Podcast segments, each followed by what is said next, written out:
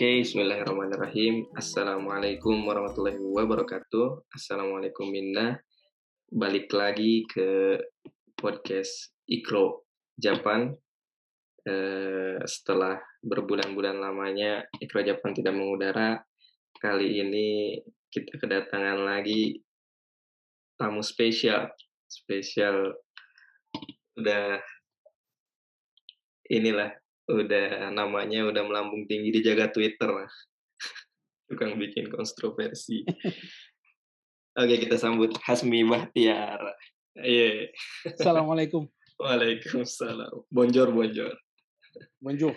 Bonjor, bonjor. Koknya masih kurang lekoh ya. Oke, gimana kabarnya Ustaz Hasmi? Alhamdulillah sehat. Keluarga sehat. Keluarga sehat. Baik. Prancis Semoga aman? Pendengar, Alhamdulillah aman. Aman.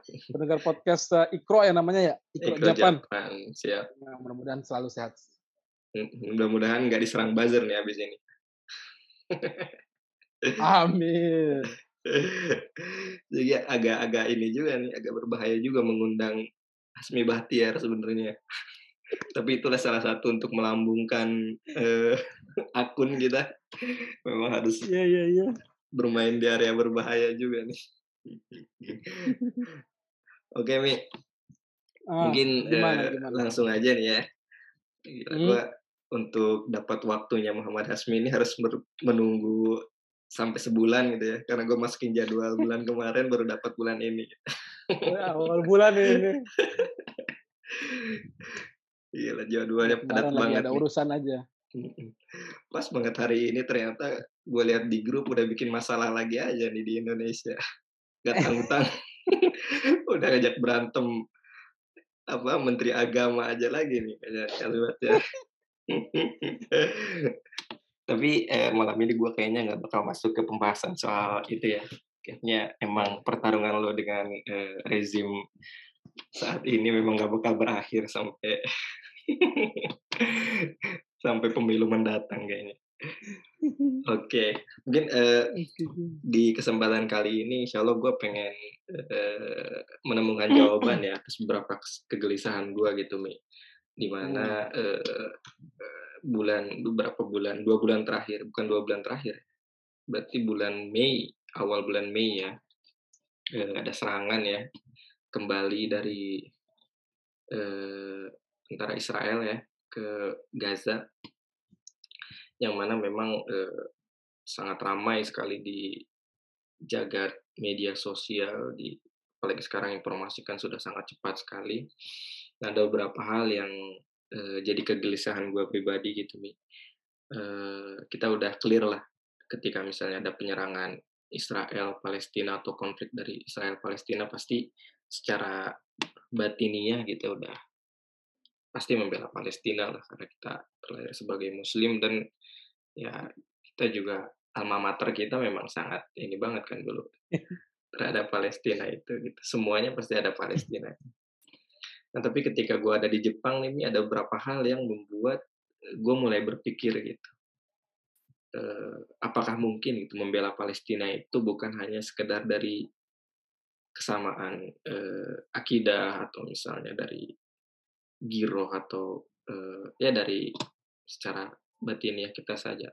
Apakah mungkin membela Palestina itu secara logika gitu, secara pikiran yang mana misalnya sekarang ini banyak sekali dibenturkan gitu oleh orang-orang yang berdalih ya A B C D gitu, berdalih banyak hal gitu. Eh, tentang misalnya keberadaan Israel saat ini gitu atau misalnya tentang ke- keadaan apa keberadaan Palestina saat ini gitu. Jadi eh, kalau gue boleh cerita sedikit nih Mi, Ya. waktu pas tanggal 14 Mei kalau nggak salah ya. Jadi lebaran hari kedua di Jepang itu Hmm. eh, salah satu masjid di Tokyo, Masjid Chami, Tokyo Chami, itu masjid punyanya orang Turki Hmm. eh, menginisiasi untuk mengadakan aksi aksi damai untuk bela Palestina gitu. Nah, gue kebetulan salah satu yang ikut di sana mi, dan gue Hmm.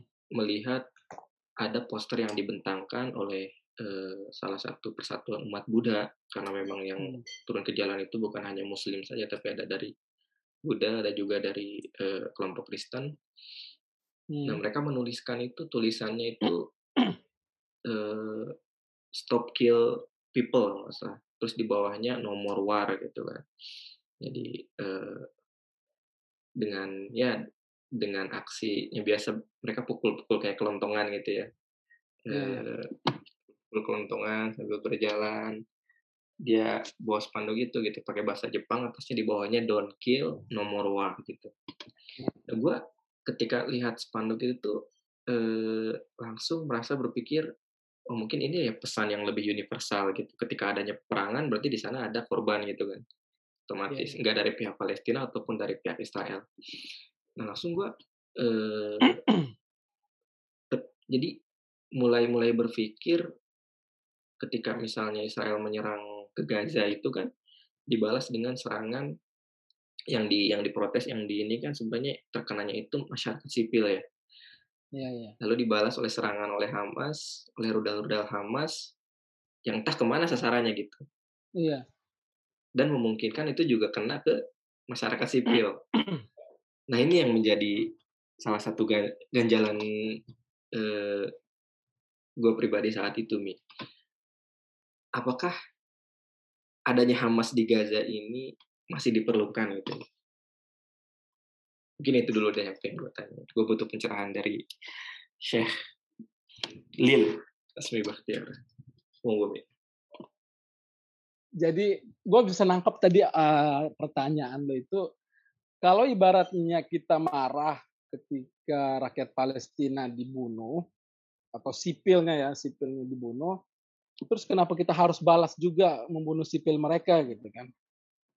Kan kira-kira begitu. Benar nggak kayak gitu kira-kira? Kalau Seharusnya kan mmm. Saya tadi melihat spanduk tadi yang dibentangkan oleh Iya. si umat Buddha itu kan, "Don't kill, no more war" gitu. Jadi ketika ada balasan serangan ya dua-duanya memang yang kena Iya. sipil gitu Sipil. kan. Hmm. Ya otomatis kita kalau misal kita menyalahkan pihak Israel, eee, membunuh anak-anak Palestina, otomatis juga Hamas salah dong ketika dia, eee, melontarkan roket ke Israel, kan gitu arahnya Nah, tadi kira-kira begitu iya. kalau gua baca ya. Heeh. Jadi dulu, yang seka sampai sekarang yang banyak orang belum clear itu, posisi Israel di Palestina itu sebagai apa dia. Mmm. Sejak berdiri misalnya semba 1948 Israel, itu, eee, apa namanya, status Israel di situ itu penjajah. Jadi mereka datang ke tanah Palestina, dia menjajah gitu loh. Jadi yang Mmm. selama ini media putar-putar itu, seperti misalnya yang Amerika putar atau misalnya Uni Eropa putar, mereka berputar di masalah misalnya masalah hak kembali bagi pengungsi Palestina. Mereka sibuk di situ aja, habis itu, eee, permasalahan yang lain, stop peperangan di Palestina dan stop pendudukan, eee, tanah Palestina. Mereka berputar di situ, tapi di sisi lain seakan-akan membiarkan keberadaan orang Israel yang sekarang di Yahudi Israel yang sekarang di Palestina itu, itu legal gitu loh, itu yang jadi masalah. Jadi kalau misalnya kita berangkat dari pendapat, eee, media-media atau pemerintahan Amerika waktu itu, bahwa orang Israel juga punya hak di situ, Hmm. Ya tentu kita nggak boleh dong membunuh mereka, mereka kan legal juga di situ. Hmm. Tapi kalau misalnya kita kembali bagaimana sejarah mereka datang ke Palestina, kita akan sampai kepada ke, eh, pada posisi mengatakan bahwa mereka datang sebagai penjajah.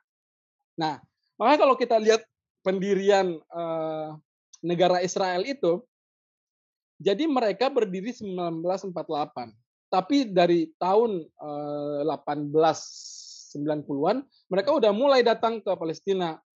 Contoh yang dalam kasus terakhir kemarin eh, kejadian di Syekh Jarrah itu yang di, yang salah iya. satu eh, sebab peperangan kemarin itu, mereka datang ke Syekh Jarrah itu pertama itu sebagai pelarian dari Eropa. Jadi kan kalau kita eh, kalau kita lihat status Palestina ini dari atas gitu, kenapa sih bisa orang orang Israel itu pindah ke Palestina? Ini kan awalnya berawal da awalnya dari kegagalan kegagalan Yahudi di Eropa melakukan asimilasi dengan orang-orang Eropa yang ke waktu itu ketika itu, eee, yang lebih dominan itu Protestan, Kristen. Jadi Hmm. ketika mereka gagal berasimilasi di sini, terus terjadi pembantaian, mereka pengusiran orang Yahudi di Eropa dan lain sebagainya itu, mereka di situ nyari ke mana kita harus pergi. Semacam nyari suaka gitu ya. Iya, bukannya riswaka sebenarnya. Sebenarnya orang ketika itu Inggris dan Prancis lah kita langsung sebut nama negaranya Inggris dan Prancis yang paling bertanggung jawab dengan kondisi yang saat ini terjadi di uh, Palestina. Hmm. Ketika orang-orang orang-orang Yahudi di Eropa gagal berasimilasi dengan orang-orang Eropa asli atau orang misalnya uh, terutama dari orang Kristennya di Eropa, mereka sudah nggak betah. Ini orang Yahudi ini mau kita kemanain? Hmm. Nah, makanya ketika Israel itu sebelum berdiri itu kan ada beberapa negara calon calon tempat negara Israel itu berdiri kan ada beberapa tempat nggak cuma Palestina, ada Argentina, ada Mozambik, ada Bahrain, ada Uganda, ada satu lagi mana ya? Ya, Palestina, Uganda, Mozambik, pokoknya ada lima kalau nggak salah, ada lima negara. Di situ dulu di apa namanya diusulkan berdirinya negara Israel. Hmm. Ketika orang-orang Israel, orang-orang Yahudi di Eropa ketika itu sudah dalam tekanan yang terlalu kuat, mereka korban dibunuh, apalagi uh, yang kisah uh, Holocaust itu, itu mereka mencari tempat pelarian. Nah, mereka lari ke Palestina atau mau lari ke negara mana, mana pun, tapi pemerintah apa namanya organisasi Zionis internasional itu mereka nggak bisa. Gimana cara kita mobilisasi orang-orang Yahudi ini loh buat pindah ke negara baru? Itulah kenapa di, akhirnya dipilih Palestina. Biar apa? Biar justifikasi agama dipakai di situ. Itulah yang mereka gembor-gemborkan yang namanya tanah yang dijanjikan Janjikan. atau uh, ya yang dijanjikan. Ya itulah kenapa Palestina yang dipilih. Seandainya misalnya nih yang dipilih Argentina ya mereka ribut sama sama Orang Argentina. keluarganya Messi mungkin bukan sama bukan nama keluarga Ah, iya begitu kan kira-kira kalau misalnya tapi ketika itu memang eh, apa namanya petinggi eh, organisasi Zionis yang dideklarasikan di Swiss itu mereka memilih Palestina karena mereka punya justifikasi agama walaupun Hmm. mereka juga nggak begitu yakin tetapi orang-orang Yahudi di seluruh dunia untuk kembali ke Palestina. Ke Palestina. Untuk bukan untuk kembali, sorry, sorry, untuk datang ke Palestina. Nah, jadi mereka datang ke Palestina, pertama datang eh, sedikit demi sedikit. Kalau kita baca sejarah 1948 ketika deklarasi itu mereka cuma ada sekitar tiga persen kan dari penduduk eh, eh Hmm. sorry se- sebelum sebelum 48 itu mereka cuma tiga persen sekitar eh, Orang Yahudi 20, di dua- tanah tanah Palestina di, itu. di, ta- di tanah Palestina mereka dua ada tiga persen persen. Eh, tiga persen sekitar sekitar eh, 20 sampai 30 ribu jiwa. Nggak banyak. Tapi ketika 1948 pendirian Yahudi apa, Israel di Palestina, mereka udah 2 juta orang. Dan Oh, mereka telah Hmm. ah, dan dan mereka telah menguasai sekitar 40 eh no, eh, 54% tanah Palestina. Jadi kan Hmm. awalnya seperti di Syekh Jarrah itu Yusuf seorang Yahudi di Eropa lari ke Syekh Jarrah eh, menyewa tanah Hmm. kemudian menyewa tanah di sana ingin menyelamatkan diri dari Eropa ke kejaman Eropa dan beberapa tahun kemudian mereka tambah banyak tambah banyak dan mengusir tuan rumah. Jadi kalau kembali ke tadi itu mereka datang ke, ke tanah Palestina itu udah ilegal gitu loh. I see. Jadi jadi ke mereka, jadi keberadaan mereka hari ini di sana itu udah nggak sesuai secara hukum, udah salah. Jadi ketika ada orang datang ke rumah kita atau ke tanah kita, terus mereka menguasai tanah itu, terus mereka dibunuh, itu makanya yang terjadi di Palestina itu bukan perang eh, tanah atau bukan perang teritorial, tapi itu perang eksistensi. Jadi nggak bisa kita bilang, oh dia Hamas membunuh orang Yahudi, berarti dia salah dong. Kenapa sipil dibunuh? Hmm. Padahal sipil itu datang ke sana sebagai perebut tanah, bukan Sebagai sebagai orang yang ya. tinggal sebagai perampok. Jadi mereka datang sebagai maling. Terlepas nanti kita bicara Yahudi wajib militer, mereka ada mereka pasukan-pasukan uh, militer cadangan itu terlepas dari itu semua. Tapi sejak awal mereka datang ke situ saja udah udah udah, udah salah secara hukum. Hmm. Mereka nggak ada hak buat buat tinggal di tanah Palestina. Walaupun uh, eh, gue udah tweet panjang masalah masalah uh, orang gue udah udah tweet panjang masalah ke keberadaan orang Yahudi di Palestina. Ini gue udah udah tweet dari kacamata hukumnya seperti apa kacamata agamanya seperti apa kacamata sejarahnya seperti apa. Tapi yang jelas kalau secara hukum orang Yahudi yang sekarang tinggal di Palestina itu itu sama sekali nggak punya hak. Kenapa? Karena mereka datang atas pemberian Inggris Padahal Inggris nggak punya hak untuk memberikan tanah Palestina. Walaupun dulu Palestina ketika baru ke lepas dari uh, dinasti Ottoman atau daulah daulah daulah Utsmaniyah, hmm. mereka Inggris posisinya ketika itu hanya sebagai pemenang perang dan hmm. dia hanya berhak untuk menguasai tanah Palestina, tapi dia nggak berhak untuk memberikan uh, memberikan tanah Palestina kepada yeah. orang Yahudi. Kan hmm. kayak gitu. Emang itu aturannya seperti itu ya di Emang aturannya seperti itu. Hmm. Makanya uh, apa namanya resolusi PBB uh, tahun berapa tuh 1947 satu uh, 181 itu yang memberikan uh, apa namanya 54 persen tanah Palestina kepada Israel, 45 persen kepada uh, rakyat Palestina dan satu persen Al-Quds itu dikuasai internasional waktu itu Jordan, itu hmm. nggak sah.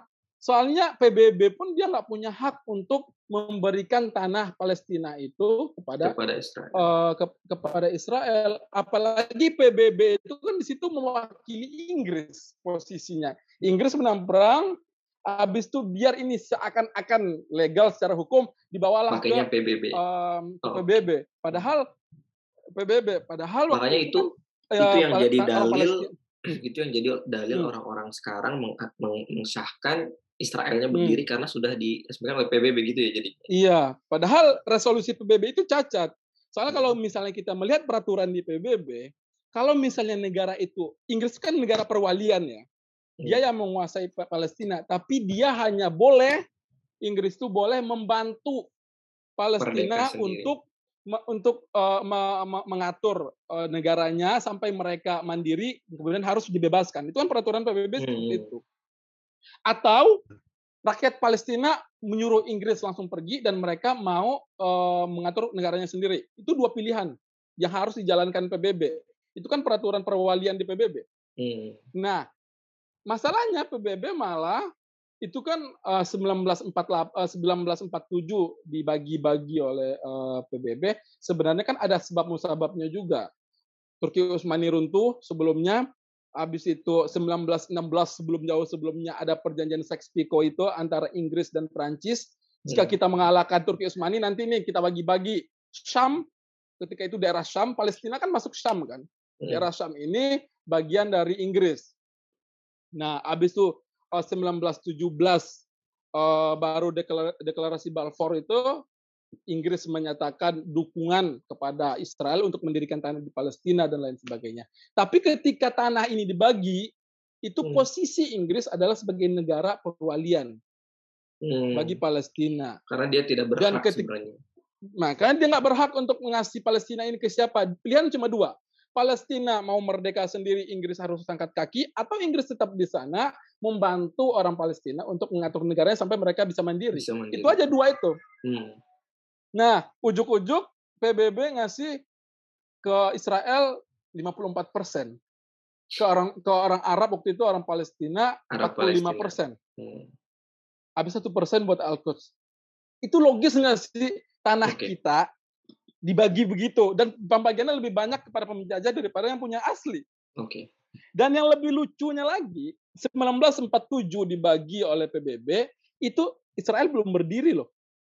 Berdiri Israel baru Mei 1948. Hmm. Jadi, Jadi pembagian negaranya Israel belum negaranya ada. belum berdiri, dia sudah dibagi wilayah nah, gitu ya. Iya, itu sama sekali nggak ada itu dalam hukum internasional, nggak ada satupun yang bisa yang bisa uh, melegalkan kayak gitu. Kalaupun ada misalnya pembagian itu, kalau misalnya mereka sama-sama dari warga sana ribut, oke okay, kita bagi. Okay. Ini orangnya masih di Eropa, orangnya masih di uh, di Eropa bagian timur, di, di Eropa bagian barat, tapi tanahnya udah ada di Palestina. Ini kan lucu. Hmm. Jadi nggak logis pembagian itu. Jadi setelah setelah 1948 itu misalnya mereka mendeklarasikan negara Israel, baru setelah itu berbondong-bondong pada makin banyak yang datang ke Israel, ah, gitu ya? Iya, mm -mm. Hmm. Baru, baru banyak, makanya sebenarnya dari tahun 19 eh, 1890-an mereka udah banyak mulai. yang, yang udah mulai datang setelah deklarasi uh, organisasi Zionis internasional itu di Swiss itu mereka udah hmm. mulai makanya uh, kena bapak uh, negara Israel itu Theodor Herzl itu disebut bapak Israel karena memang dia yang menginisiasi lahirnya organisasi Zionis itu hmm. dan mereka udah mulai udah mulai uh, lakuin uh, apa namanya eksodus gede-gedean ke uh, Palestina. Tapi caranya waktu itu masih lembut. Ada yang hmm. ngedompleng Inggris, ada yang cuma pura-pura nyewa rumah atau beli tanah dan lain sebagainya. Jadi okay. enggak uh, jadi mereka datang ke sono itu bukan uh, apa namanya sebagai pemilik tetapi mereka datang sebagai penjajah. Jadi ketika ada Hamas nyerang mereka yeah. itu mereka legal walaupun Hamas sebenarnya juga lumayan manusiawi juga dua jam sebelumnya mereka kasih tahu apa ultimatum. dua jam sebelumnya kasih ultimatum dulu itu kan kalau itu semaunya Hamas sebenarnya padahal mereka ikut berperang. Oke. Okay. Gua gua dapat dapat poinnya mi. Jadi hmm. eh, ya tergantung kita mau belajar sejarah atau tidak. Karena kalau yeah. misalnya yang gua dapat berarti lo menganggap Israel ini sebagai apa gitu? Sebagai iya. misalnya yeah orang yang mempertahankan negaranya atau sebagai perampok yang ngambil tanah lo dan ah. lo lemparin batu lah istilahnya kayak gitu ya. Iya benar. Ya. ya untuk masalah ini gue clear lah. Terus mi uh, lari daripada yang lain, gue dengar selintingan juga di Israel itu ternyata banyak orang Islamnya juga ya? Hmm. Apakah itu uh, karena mereka keterpaksaan mereka ketika misalnya uh, Israel mendirikan negara dan dia berada di wilayah situ, makanya mau tidak mau dia harus ada di sana atau karena apa itu? Jadi kan kalau misalnya kita lihat penguasaan Israel di tanah-tanah Palestina itu kan bertahap. Hmm.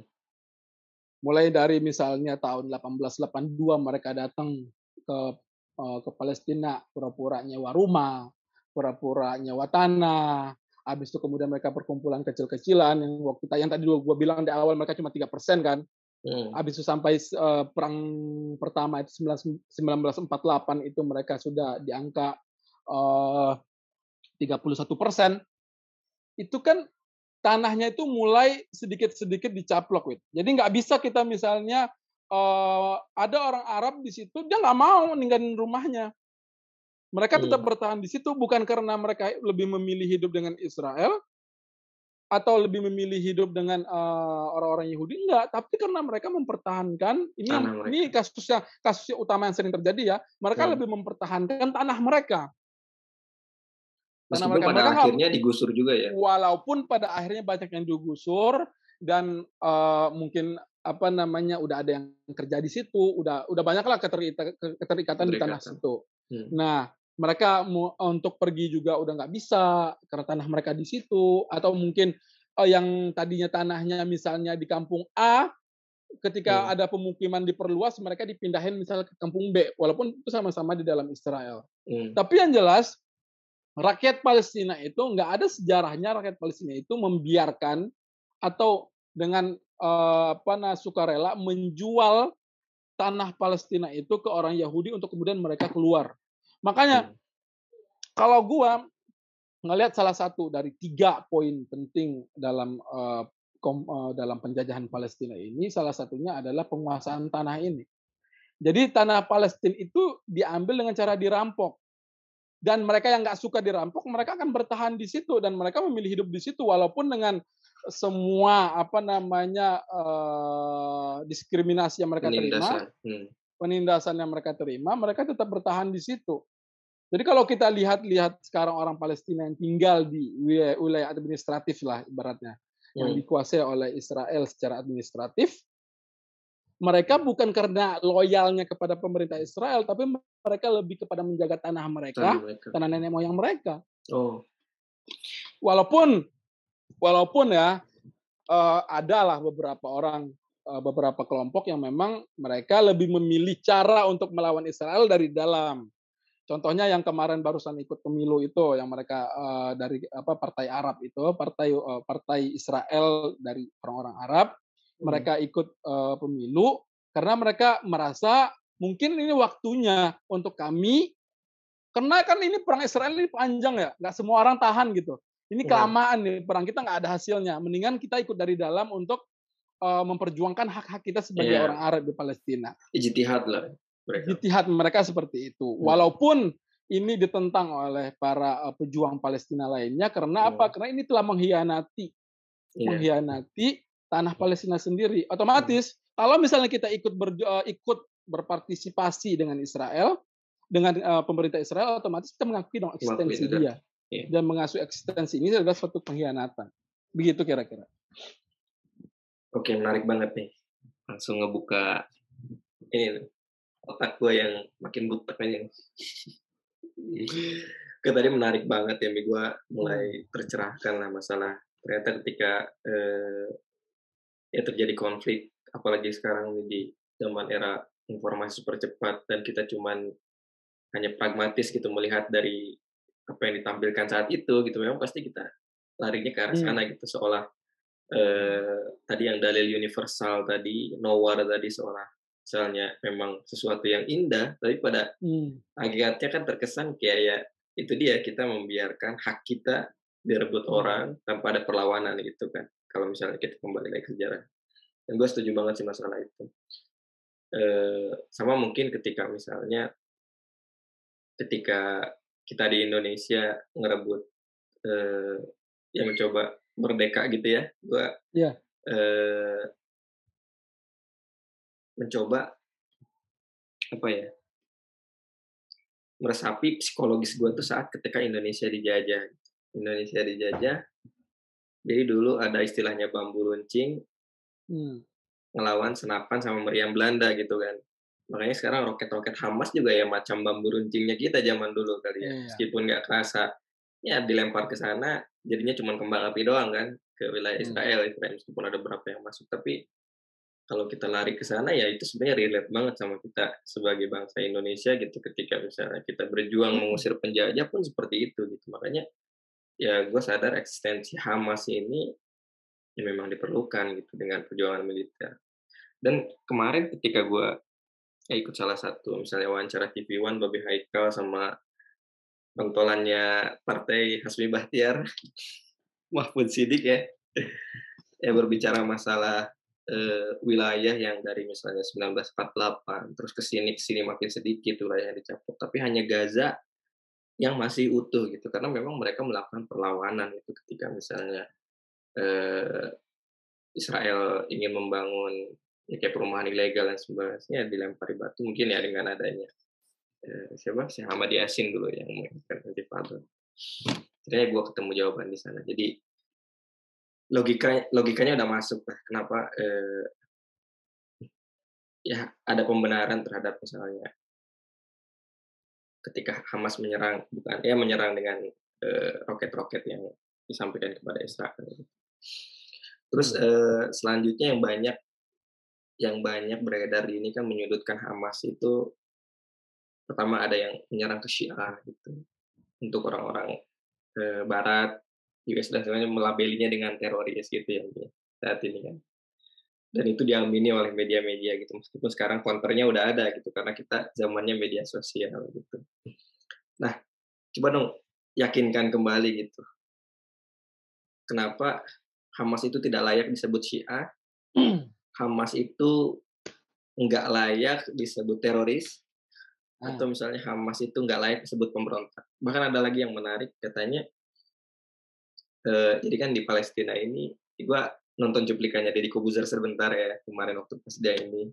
Uh. Tapi yang yang ngobrol sama si Haris Azhar gitu. Hmm. Itu kalau misalnya Hamas apa Palestina merdeka juga kan masih ada patah sama Hamas itu kan. Dua-duanya berantem lagi nanti berebut negara dong. Jadi jadi merdeka juga nggak ada ininya dong, nggak ada gunanya gitu.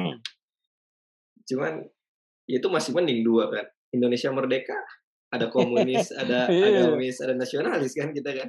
Lebih ribet ya? Lebih ribet lagi. Tapi itu proses. Tapi untuk Haris Azhar saat itu memang dia uh, ini banget ya gitu kan. Itu adalah proses normal gitu kan menuju transisi sebuah negara gitu ketika apa perebutan ideologi. Gitu. Nah, jadi intinya uh, ya secara logika kenapa tolong jawab itu tadi misalnya kenapa Hamas itu tidak pantas disebut Syiah atau Hamas itu tidak pantas disebut teroris dan Hamas itu tidak pantas disebut pemberontak dan lain. Jadi kan kalau kita uh, kalau gue pengennya gini, kalau kita ngomongin Palestina kita tuh baca sejarah tuh pengennya utuh gitu loh. Utuh. Hmm. Jadi kita nggak bisa ngeliat di TV One atau misal di TV Metro TV atau di mana pun lah di media-media mana pun berita hmm. cuplikan, habis itu kita mau menghakimi langsung selesai hmm. gitu. Hmm. Itu kan nggak adil kan? Iya. Gue pengennya kita tuh kita ngelihat uh, satu permasalahan itu utuh apa sejarahnya. Kalau Al-Quran aja kan ada asbabun nuzulnya. Ayat Al-Quran hmm. aja ada asbabun nuzulnya. Kenapa ayat ini harus diturunkan gitu. Kenapa hmm. ayat ini harus dipakai dan kapan dipakai. Jadi kalau Hamas berdiri 1987 diinisiasi oleh Syekh Ahmad Yasin dan kawan-kawan. Kalau kita kan uh, di pondok dulu kenalnya Syahmat Yasin aja gitu. Tapi ada beberapa kawan-kawan lain yang ikut menginisiasi berdirinya Hamas.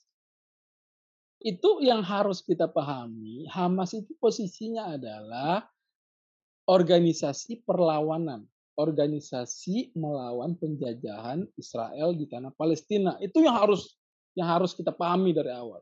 Hmm. Namanya aja Harokatul Mukawamah, gerakan perlawanan. perlawanan bukan harokat siasa. Dia bukan partai politik. Emang bukan awalnya bukan berdiri untuk satu partai politik atau harokatul madhabiyah. Dia bukan haroka atau gerakan mazhab. Hmm. Jadi ketika Hamas telah mendeklarasikan dirinya 1987 itu sebagai harokatul mukawwamah, ujungnya apa? Al-Islamiyah. Hmm. Harokatul mukawwamah Islamiyah. Haroka gerakan perjuangan perlawanan Islam. Hmm. Dia nggak bilang Islam Sunni, Islam Islam Sunni atau Islam Syiah. Syiah. Dia Islam.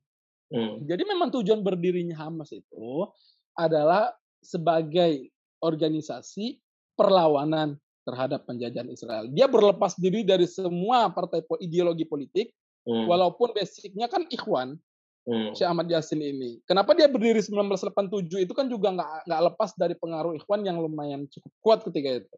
Hmm. Jadi dia berdiri walaupun uh, Hamas ini ada ideologi uh, dibawa oleh Syekh Ahmad Yasin yang uh, dekat dengan Ikhwan ketika Syekh Ahmad Yasin uh, belajar di Kairo di Mesir.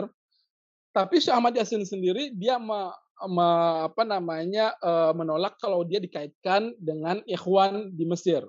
Hmm. Karena karena Hamas dari awal sudah mengatakan bahwa kami adalah gerakan perlawanan Islam untuk melawan penjajahan Israel. Jadi kami berlepas diri dari apa pun mazhabnya, apa pun hmm. ideologi politiknya, ayo kita bareng-bareng untuk melawan Israel. Hmm. Jadi karena apa pun partai politiknya, apa pun mazhabnya, yang nama penjajahan nggak bakal nggak bakal eh, nggak uh, bakal benar menurut mereka. Jadi hmm. mau Syiah dia, mau dia Sunni, mau dia Ikhwan, mau dia Salafi, mau dia uh, Hizbut Tahrir, mau dia uh, semuanya lah. Yang nama penjajahan kan tetap nggak bisa dibenarkan. Hmm.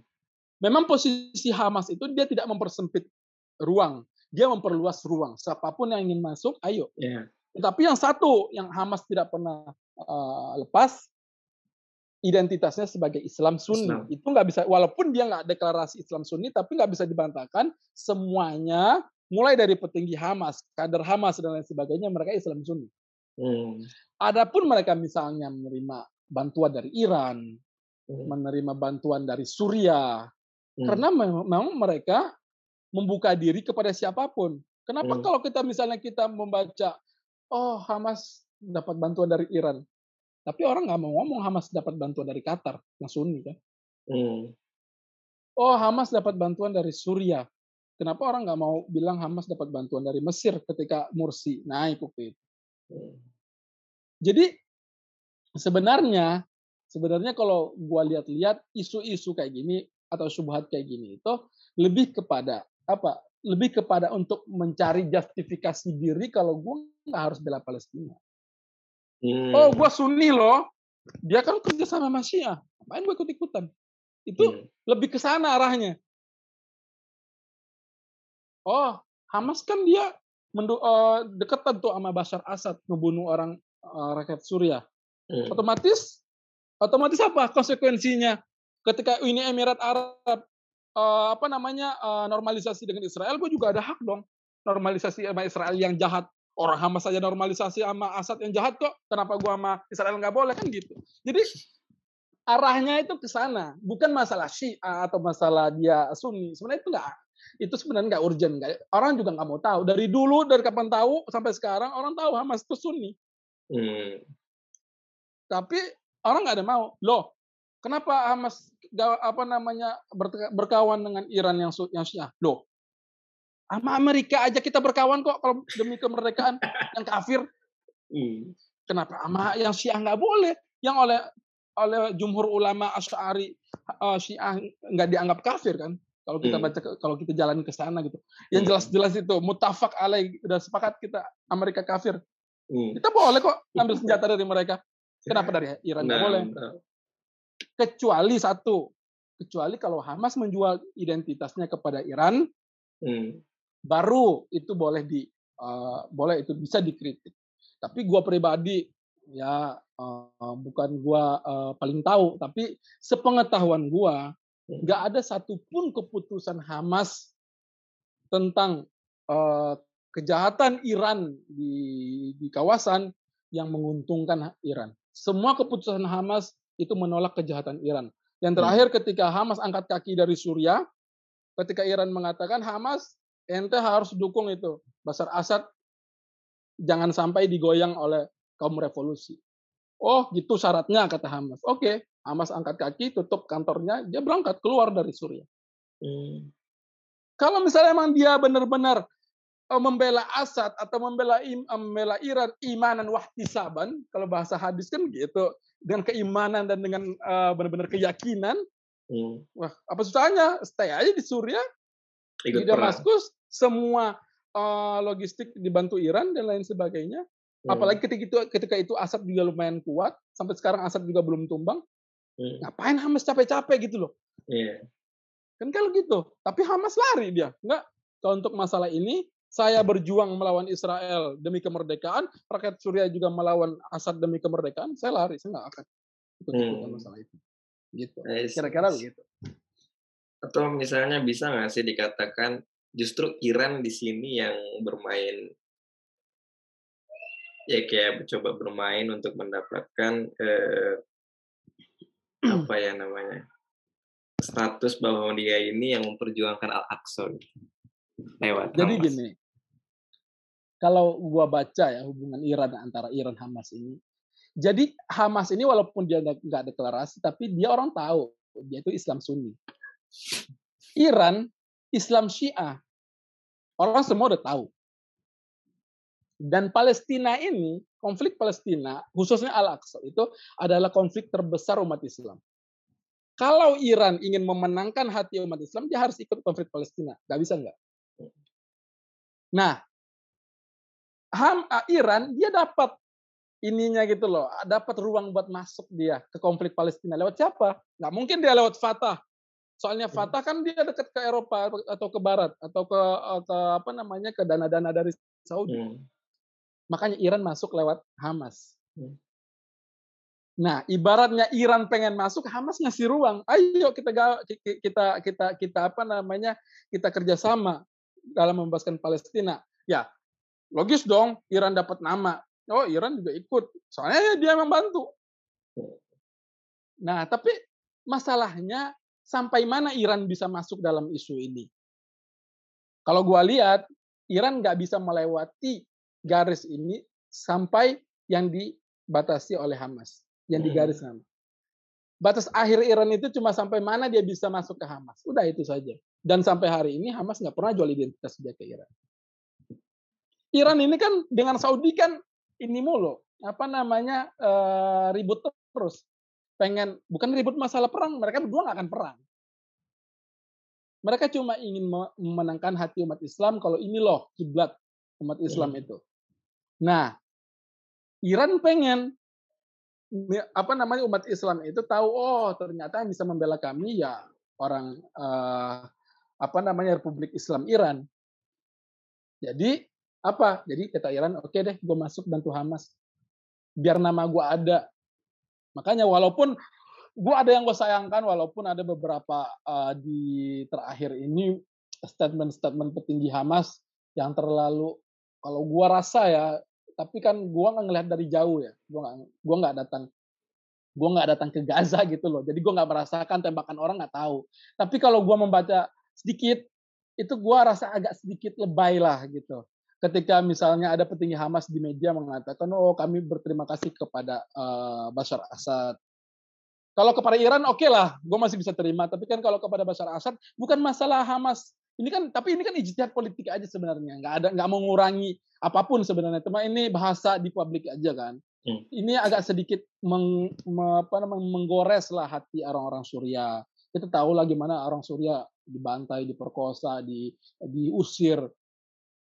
Yang dibunuh Assad itu sampai saat ini jauh lebih gede daripada yang dibunuh Israel. Itu itu fakta yang harus diterima. Hmm. Jadi kalau kita bilang mana yang lebih jahat, mungkin Assad ini sebenarnya lebih jahat. Tapi ya itu Hamas harus paham gitu loh hal-hal sensitif kayak gini. Tapi itu kan keluar dari mulut uh, apa namanya uh, petinggi Hamas ya bukan yang elit, bukan ring satunya lah gitu kan. Gue masih bisa paham. Tapi kalau yang ring satunya selama ini Ismail Hania juga baru terima kasih ke Iran dan lain sebagainya. Emang benar. Kayak misalnya senjata-senjata Hamas sekarang ya ada fungsi Iran dan itu nggak bisa dinafikan emang ada.